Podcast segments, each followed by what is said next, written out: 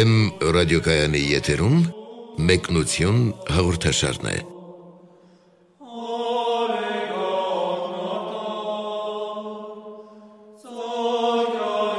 Սիրելի ունկնդիրներ, Վեմ ռադիոկայանի եթերում մեկնություն հաղորդաշարն է։ Ձեզ հետ են արժանապատիվ Տեր Մեսրոպ Քահանա Արամյանը եւ Արա Սարգսակյան Նալչաջյանը։ Այսօր կխոսենք Սուրբ Պողոս Առաքյալի Կորինթացիներին ուղված առաջին թղթի 5-րդ գլխի մասին, որտեղից ընտրել ենք հետեւյալ բնաբանը. Վերացրեք չարը ձեր միջից։ Օրհնյա Տեր հայր։ Աստված օրհնի։ Տեր հայր Կորինթացիներին ուղված առաջին նամակի մեր շերթական զրույցի առարկան դրա 5-րդ գլուխն է, որը հիմնականում բարոյական խնդիրների է վերաբերում, բարոյականությանը վերաբերող հարցեր է շոշափում եւ շոշափում է այնպիսի մի մեղք, որ թվարկված չէր անգամ հեթանոսների մեղքերի ցանկում։ Այսինքն, եթե կան այնպիսի բղծություններ հեթանոսների մեջ, pornokության այնպիսի ծայրահեղ դրսևորումներ, անգամ արվամոլություն, անգամ անասնապղծություն, ապա այս դեպքում նկատի առնվում մի այնպիսի մեղք, որը հիշատակված է Աստվածաշունչ Մատյանի 5 կտակարանյան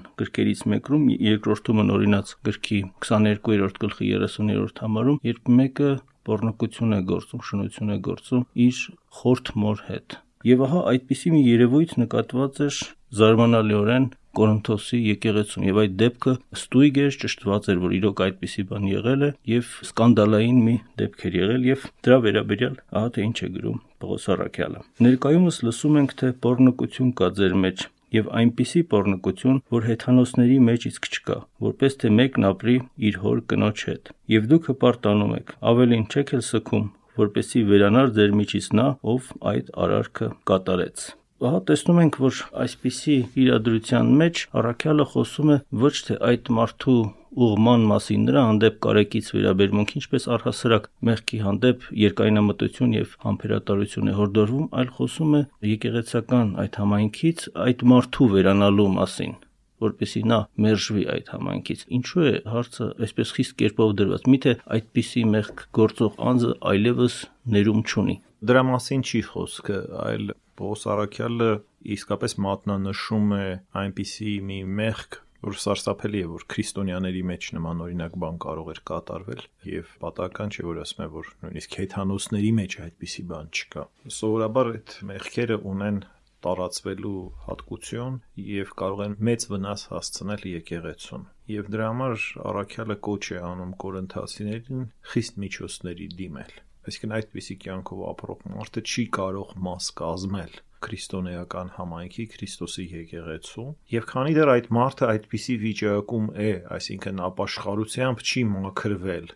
ինքը պետք է դիտվի որպես մի տար արտակո եկեղեցու, այսինքն եկեղեցուց դուրս։ Միայն մաքրությունից հետո, համապատասխան ապաշխարությունից հետո, այն էլ երկարատև ապաշխարությունից հետո, այդ մարդը կարող է վերադառնա Քրիստոսի եկեղեցի։ Պողոսարաքյալը չի ասում, որ շանս չկա այդպիսի մարդու համար։ Թեպետ հետագա խոսքերը էլ ավելի խիստ են այս թղթում։ Հանձնեք, ասում եմ, մարմինը սատանային, որպեսի հոգին փրկվի, բայց կանրադառնա կանդրադառնանք դեռ այդ խոսքերի մեկնությանը։ Ամեն դեպքում Պողոս Արաքյալը առաջարկում է կատարել հոգևոր վիրահատություն, որտեղ դեղամիջոցները, པարս հաբերը այստեղ կարող են ազդեցություն չունենալ։ Առաջարկում է վիրահավատական միջամտություն կատարել, այսինքն հերացնել այն անդամը, որը այլևս դարձել է շատ վտանգավոր մնացած զանգվածի համար եւ կարող է կատվածահար անել ամբողջ զանգվածը։ Այսինքն մեղքի ծայրաստիճան խորը լինելն էր պատճառը, որ առաքյալը այդպիսի գործողության է դիմում։ Ֆիզիկական, ասենք, մարմնի բժշկման դեպքում երբեմն պետք են վիրահատական մոտեցումներ կամ վիրահատությամբ ինչ որ մի բան հեռացնել, որը այլևս ոչ միայն չի գործում, իր ֆունկցիան չի կատարում, այլ կարող է ամբողջ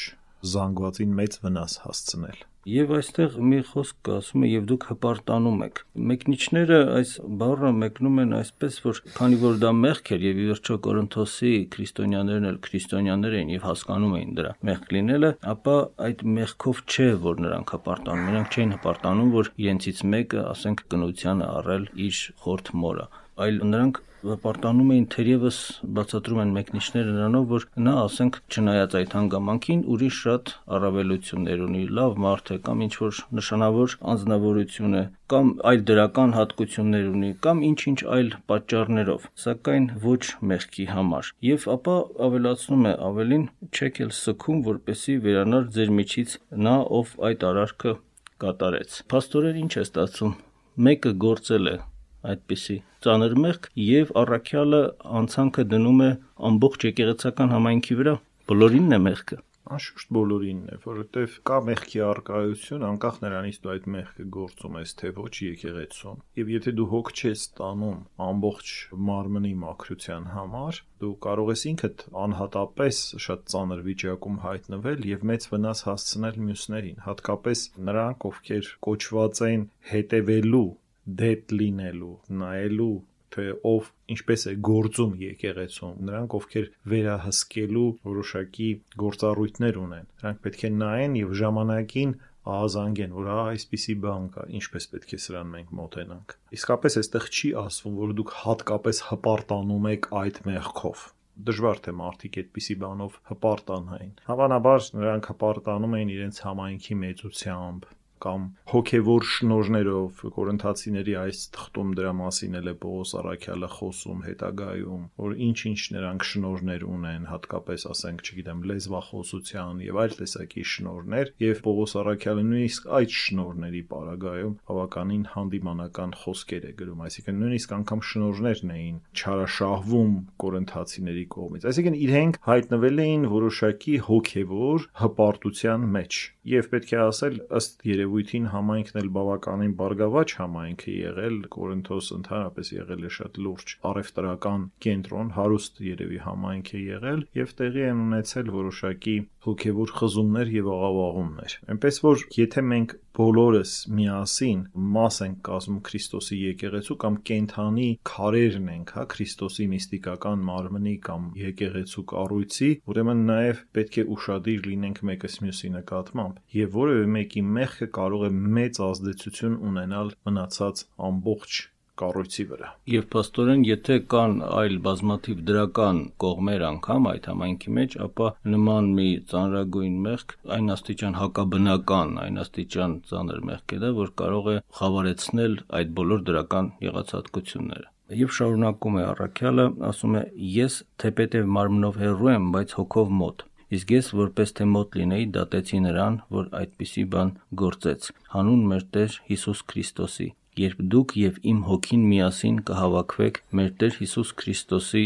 զորությամբ հանդերձ։ Մատնեցեք այդպիսի մեկին սատանային նրա մարմնի կորստյան համար, որպեսի նրա հոգին ապրի մեր Տեր Հիսուս Քրիստոսի օրում մինչ սատանային մատնելու այդ գաղափարին անցնելը, որը բավական ցցուն մի խոսք է, առանձնանում է Աստվածաշնչյան այս ամբողջ տեքստի մեջ, նախ խոսենք այն մասին, թե ինչ է նշանակում առաքելի այդ խոսքը. մարմնով հեռու, բայց հոգով մոտ, երբ հավաքվեք դուք եւ իմ հոգին։ Սա փոխաբերական իմաստ է պարզապես առաքյալը նկատի ունի, որ ես մտովի ձեզ հետ եմ, թե ինչ որ ģերբնական մի երևույթ այստեղ նկատի ունի առաքյալը, որ ինքը կարող է լինելով Եփեսոսում հայտնվել հոգով Կորինթոսում այդ մարդ մարդկանց շրջապատում եւ ինչ որ այդպիսի քննարկում անել համատեղ այդ հարցը քննարկել ինչպես օրինակ ասում է չգիտեմ հոգով էր մարմնով էր ապշտակվեցի 7-րդ երկինք եւ տեսա անպատվելի բաներ ինչ որ ģերբնական երևույթ նկատի ունի առաքյալը թե պարզապես որ ինքը մտովի կորինթացիների հետ Ոչ, այստեղ մտովի ինչ որ մեկի հետ լինելու մասին չէ խոսքը, բայց ուզում եմ նաև այստեղ ասել, որ աշխարհաբար թարգմանությունը մի փոքր լավ չէ, եւ Պողոս Արաքյալը գրափարում ասում է զիես թեպետ եւ մարմնով մեկուսի եմ սակայն հոգով մերձ եմ շարունակության մեջ է երևույթին թարգմանական սխալ կա բայց արդեն իսկ իբրև իմոտո ընտրեցի զայն որ այնպես ընգործյաց այսինքն ինքը ուզում է ասել որ այդպիսի մեկին ես տեսա եւ առանձնացրեցի այնպես իբրև թե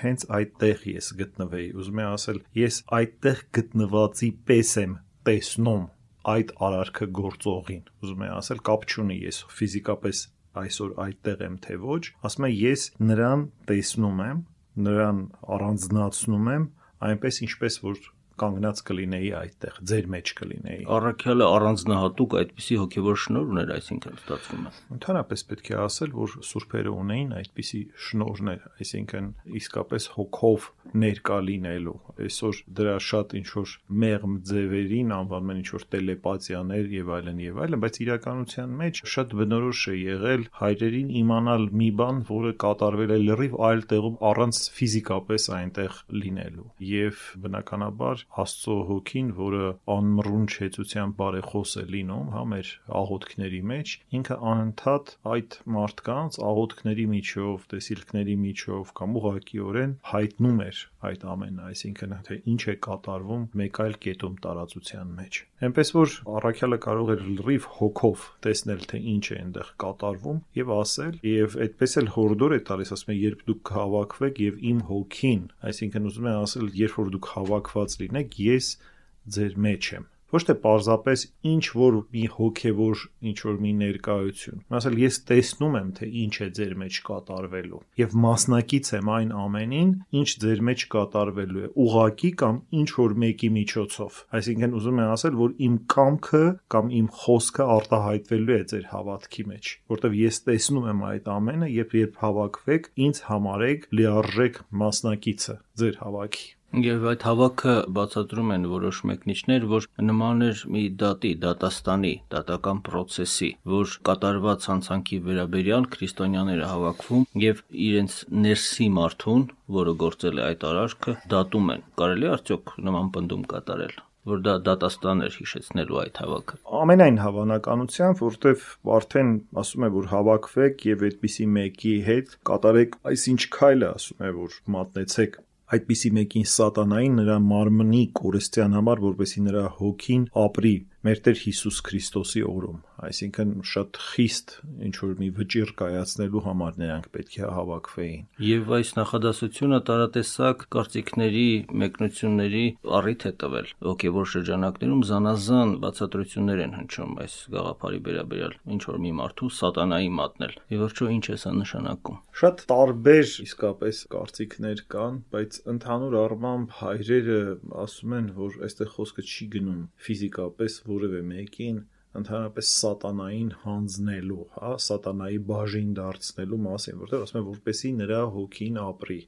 նշանակում է որ այդ մարդուն ինչ որ մի իրավիճակի մեջ պիտի դնես որ այդ մարդը փրկության արժանանա եւ ընդհանրապես եկեղեցուց դուրս վիճակը այսինքն աշխարհի վիճակը, աշխարհիկ վիճակը համարվում էր մի վիճակ, որը չարի իշխանության տակ է, այսինքն այս աշխարհ հասկացողությունը, ասում է, ահա գալիս է այս աշխարհի իշխանը, ասում է եւ նա ոչ մի իշխանություն չունի ին վրա, Քրիստոս։ Այսինքն կար այս աշխարհ հասկացողությունը եւ այս աշխարհի իշխանը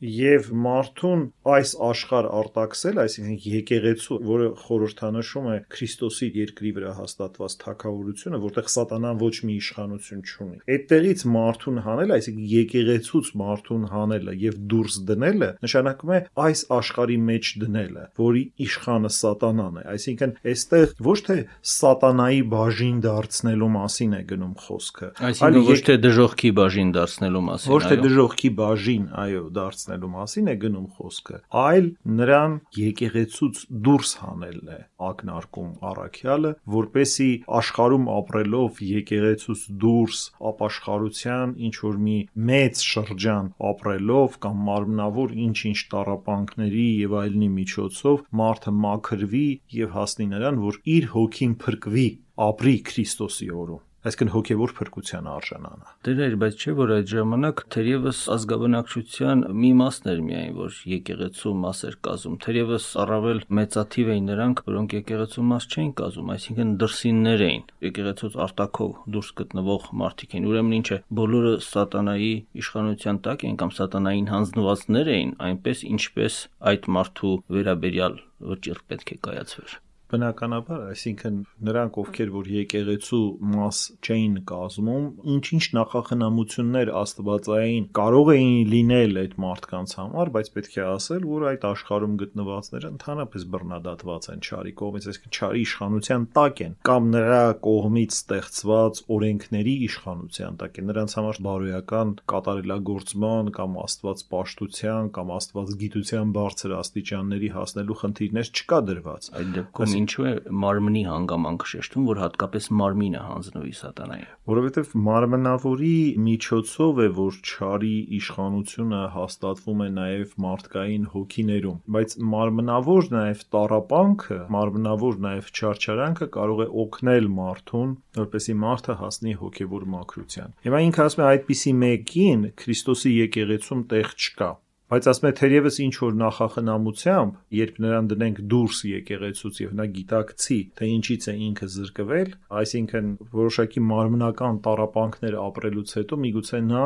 արժանանա հրկության ապաշխարության միջոցով, այսինքն ինչ որ առումով ապաշխարության շանս ենք տալիս մարդուն։ Շարունակության մեջ առաքյալը ասում է. «Լավ չեն ձեր այդ պարծանքները, չգիտեք, թե մի փոքր թթխմոր ամբողջ զանգվածը խմորում է։ Մաքրեցեք, դեն նետեցեք հին խմորը, որպեսի նոր զանգված լինեք» առանց թթխմորի, քանզի Քրիստոս մեր զատիկը մորթվեց։ Ուրեմն տոն կատարենք ոչ թե հին խմորով եւ չարության ու անզգամության խմորով, այլ ստուգության եւ ճշմարտության անթթխմոր հացով։ Ուրեմն կան տարբերակներ, որ ստուգություն բառի փոխարեն գործածում է անկեղծություն բառը, այսինքն անկեղծության եւ ճշմարտության անթթխմոր հացով։ Այս մասին արդեն խոսեցիք, ամբողջ զանգվածը խմորելու այդ հատկության մասին մեղքի եւ այդ էր պատճառը, ասացիք, որ պետք է վիրահատական միջամտություն կտրել եւ դեն նետել մարմնից, այսինքն եկեղեցական համայնքից այդ անդամին, որպեսի նրա օրինակը վարակիչ չլինի մյուսների համար եւ այդ մեղքը տարածում չգտնի եկեղեցական համայնքում։ Եվ այստեղ տեսնում ենք, որ եւս մի համեմատություն է անում. Քրիստոս խոսելով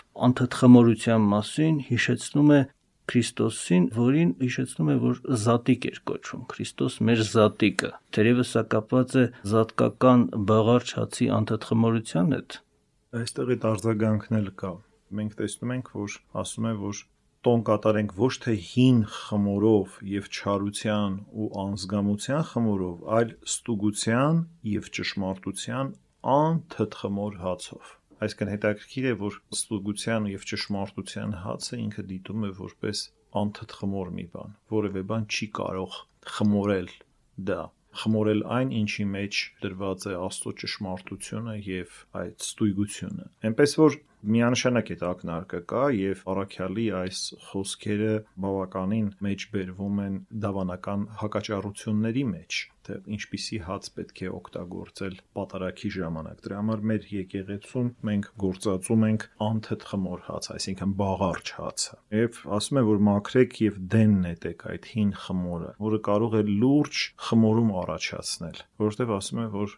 մեր զատիկը Քրիստոս մորթվեց Այսինքն Քրիստոսով արդեն մենք նոր կյանքի մասնակիցներ ենք։ Դրա մեջ արդեն այդ հին կյանքի բոլոր երևույթները մենք պետք է մի կողմ դնենք մենք մտնում ենք քրիստոնեություն, բայց մեզ այդ քաշ ենք տալիս մեր բոլոր հին սովորությունները։ Եվ ի վերջո ինչ է լինում քրիստոնեությունը դառնում է մեզ համար ընդհանրապես մի շղարշ, գեղեցիկ, գեղեցիկ խոսակցությունների, արտակուստ գեղեցիկ վարքի խապկանք է դառնում քրիստոնեությունը։ Ներսից ամբողջությամբ հին մարդն է։ Ուղղակի հին մարդը այսպես կոսմետիկ փոփոխությունների է ենթարկվել, պաճուճվել է ինչ որ բաներով եւ լավ է թվում, բայց հենց այդ քողերը վերցնես, ներսից կտեսնես հին մարդուն։ Այսինքն տեղի չի ունեցել այդ նոր մարդու կերտումը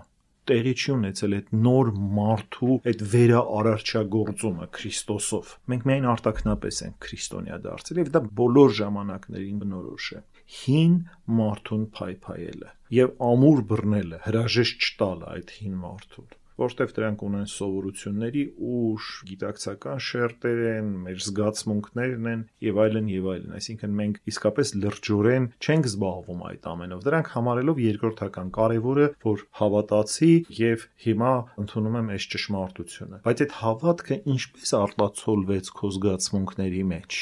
Այդ հավատքը ինչպես արտացոլվեց քո գիտակցության մեջ, քո մտքերի մեջ,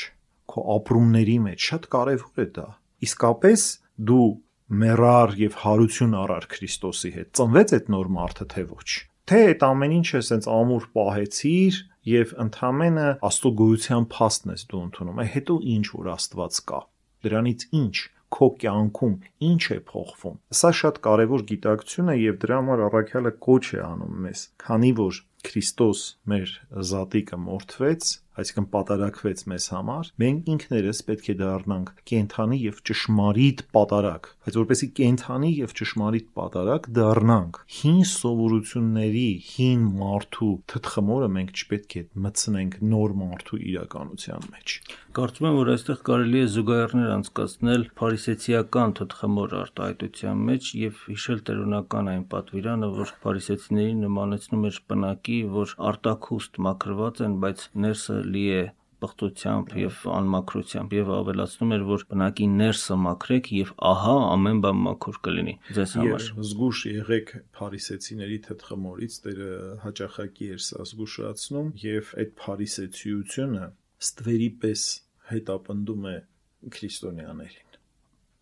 նաեւ այսօր Տերեջ, եթե խոսում ենք խմորման երևույթի մասին, թերևս հիշենք ավետարանական մեկ այլ դրվագ, որտեղ դարձյալ այս արտահայտությունը գործածվում է, երբ Քրիստոս առակավոր խոսքով երկնքի արքայությունը նմանեցնում է թթխմորի, որը մի կին դրեց խմորի զանգվածի մեջ, ինչև ամբողջը խմորվեց։ Եթե մենք տեսնում ենք, որ հա թթխմորը այստեղ մեղքի խորհրդանիշն է, որը կարող է իրենով խմորել ամբողջ զանգվածը եւ այդ մեղքով վարակել ամբողջ եկեղեցական համայնքը, ապա ապա այն դեպքում թթխմոր արտահայտությունը կարծեմ թե բոլորովին հակադիր իմաստով է գործածվում ընդհակառակը մակրության իմաստով տարբեր արտահայտություններ իսկապես կան եւ աստվածային կամ հաղորդությունը նույնպես համարվում է ինչ որ թթխմոր մեր մեջ որը մեր հաղորդությամբ մեզանում սկսում է աստվածացման process, այսինքն ինքը խմորում է մեր զանգվածը աստվածային այդ իրականությամբ, աստծոզորությամբ եւ այլն եւ այլն։ Բայց դրանք պատկերավոր խոսքեր են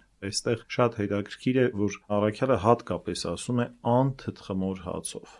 Այսինքն ինքը շեշտում է անթթխմոր հացի ու ճշմարտության ու ստույգության այդ անկեղծության աղերսը շատ հետաքրքրական է բայց նրանք էլ պատկերավոր օրինակներ են թե ինչպես մի փոքրիկ բանը կարող է ամբողջ զանգվածը լավ բանով համակել այնպես որ դրանք իհարկե ավետարանում օգտագործում են տարբեր նպատակներով։ Իսկ այդ խմորման process-ը օրինակ վերցնելու մեխանիզմով է տարածվում եւ ամբողջ զանգվածը դարձնում իրպես, թե ինչ որ այլ մեխանիզմներ եւս գործում են այդտեղ այդ process-ի մեջ քանի որ սա կապվեց հաղորդության խորհրդի հետ, ուղղակի պետք է ասել, որ հաղորդության խորհրդի բազմացման այդ սկզբունքը, որ ինքը անհատում կերպով բաշխվում է, ինքը ունի բացառապես աստվածային իրողություն, այսինքն ինքը Աստծո Սուրբ Հոգով է, որ դառնում է կենթանի հաց եւ Քրիստոսի մարմին, եւ ինքը հավելյալ որևէ թթխմորի կարիք չունի, այդտեղ թթխմորը հենց ինքը աստվածայինն է եւ նույնպես Պողոս Արաքյալը որ ասում է ճշմարտության անթթխմոր հացով այս հացը ունի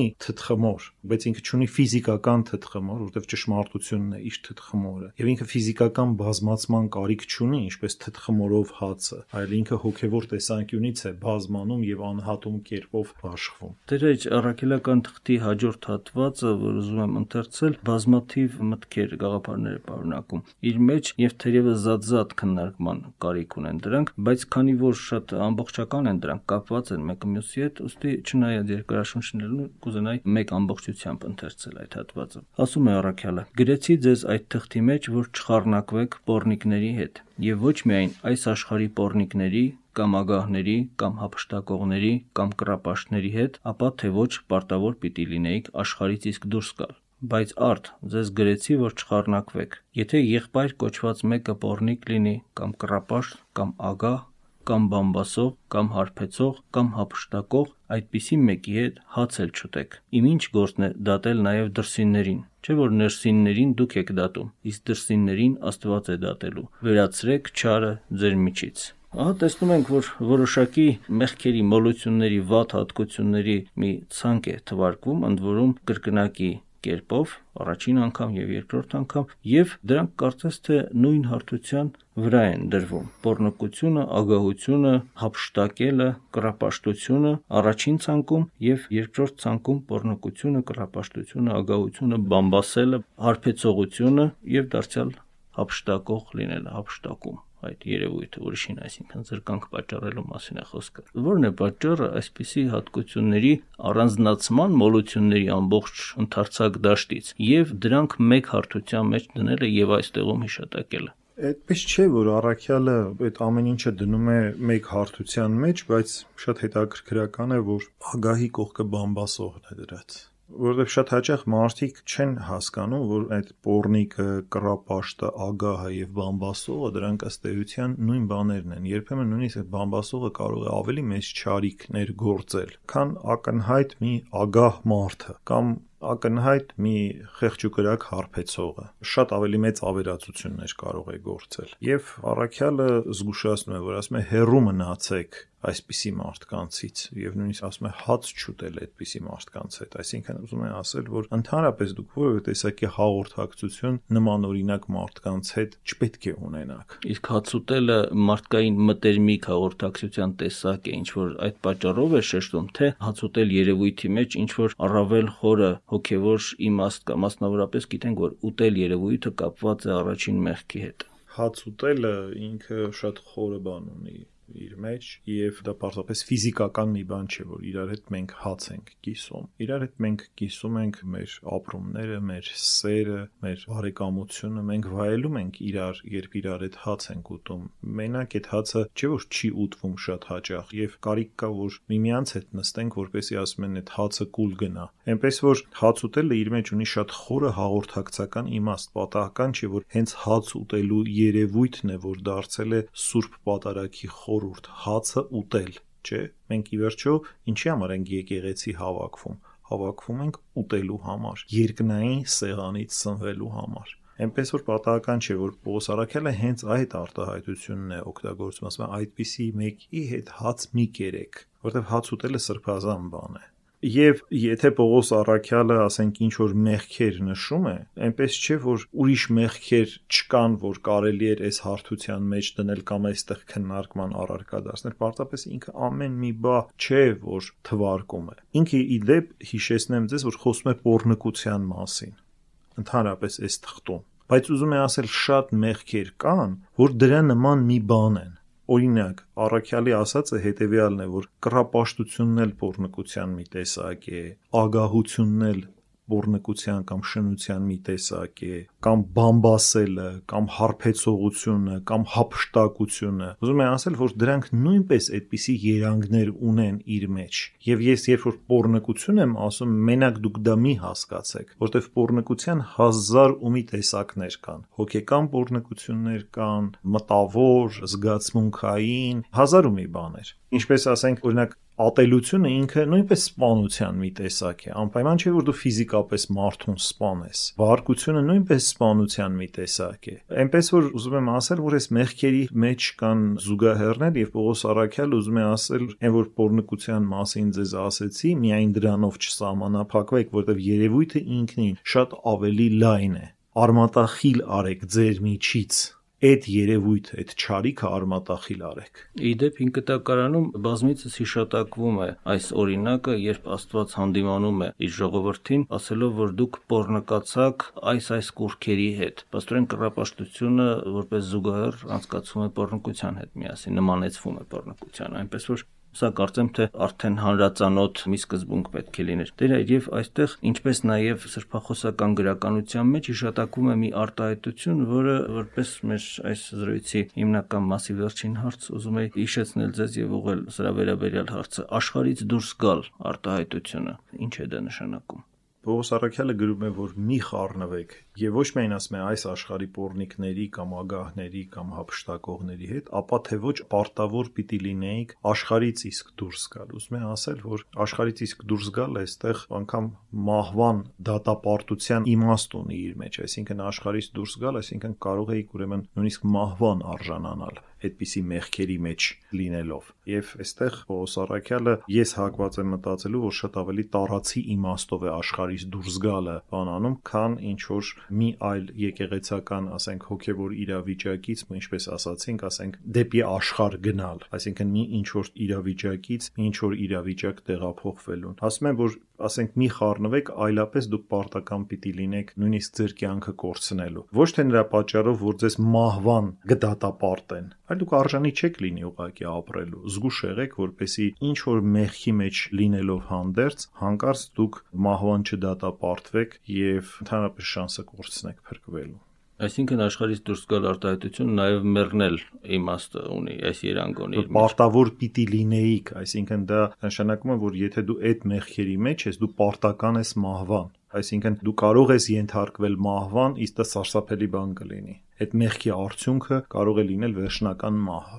Իսկ այս աշխարհից դուրս գալ արտահայտությունը դեր էր կապված է արդյոք ներսիններ եւ դրսիններ արտահայտության հետ, որի մասին հաջորդ համարում հիշում էր առաքյալը, ասելով իմ ինչ գործն է դատել դրսիններին, չէ որ ներսիններին դուք եք դատում, իսկ դրսիններին Աստված է դատելու։ Վերացրեք ձեր միջից չարը։ Կարող է դրա հետ էլ կապվել, բայց ուղղակիորեն աշխարից իսկ դուրս գալը, այստեղ չի ասում ներսի աշխարից դուրս գալ կամ դրսի աշխարից դուրս գալ, ասում աշխարից իսկ դուրս գալ, այսինքն կյանքից իսկ դուրս գալ, որտեղ դուք կարող եք դրանով ուղակի պարտական լինենք, իսկ ձեր պատիժը դառնա, չի ասում որ հաստատ այդպես կլինի, ասում է ձեր պատիժը կարող է դառնալ ապագայում անգամ այդ աշխարից դուրս գալը զգուշ եղեք որպեսզի դուք ձեր կյանքը չկորցնեք այդ մեղքերի պատճառով իսկ այս խոսքը դատելուն է վերաբերվում ասում է դուք օրինակ մի բերեք որ դրսում այդպիսի բան կան ասում է իմ ինչ գործն է դրսում ինչ կա մեր խոսակցությունը ներսի մասին է եկեղեցու մասին այսինքն ներ եկեղեցական հա ասում է դրսիններին աստված է դատելու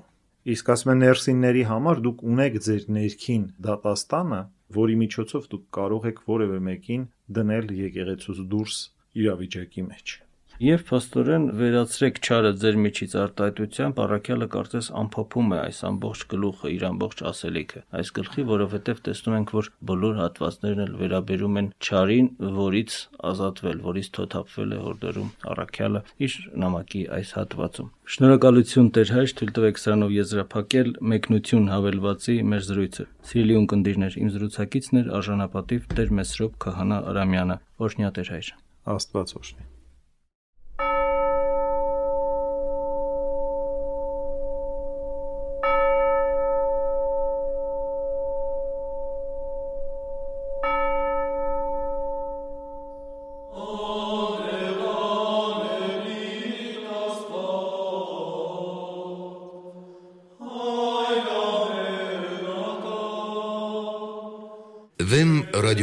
եթերում մեկնություն հաղորդաշարներ։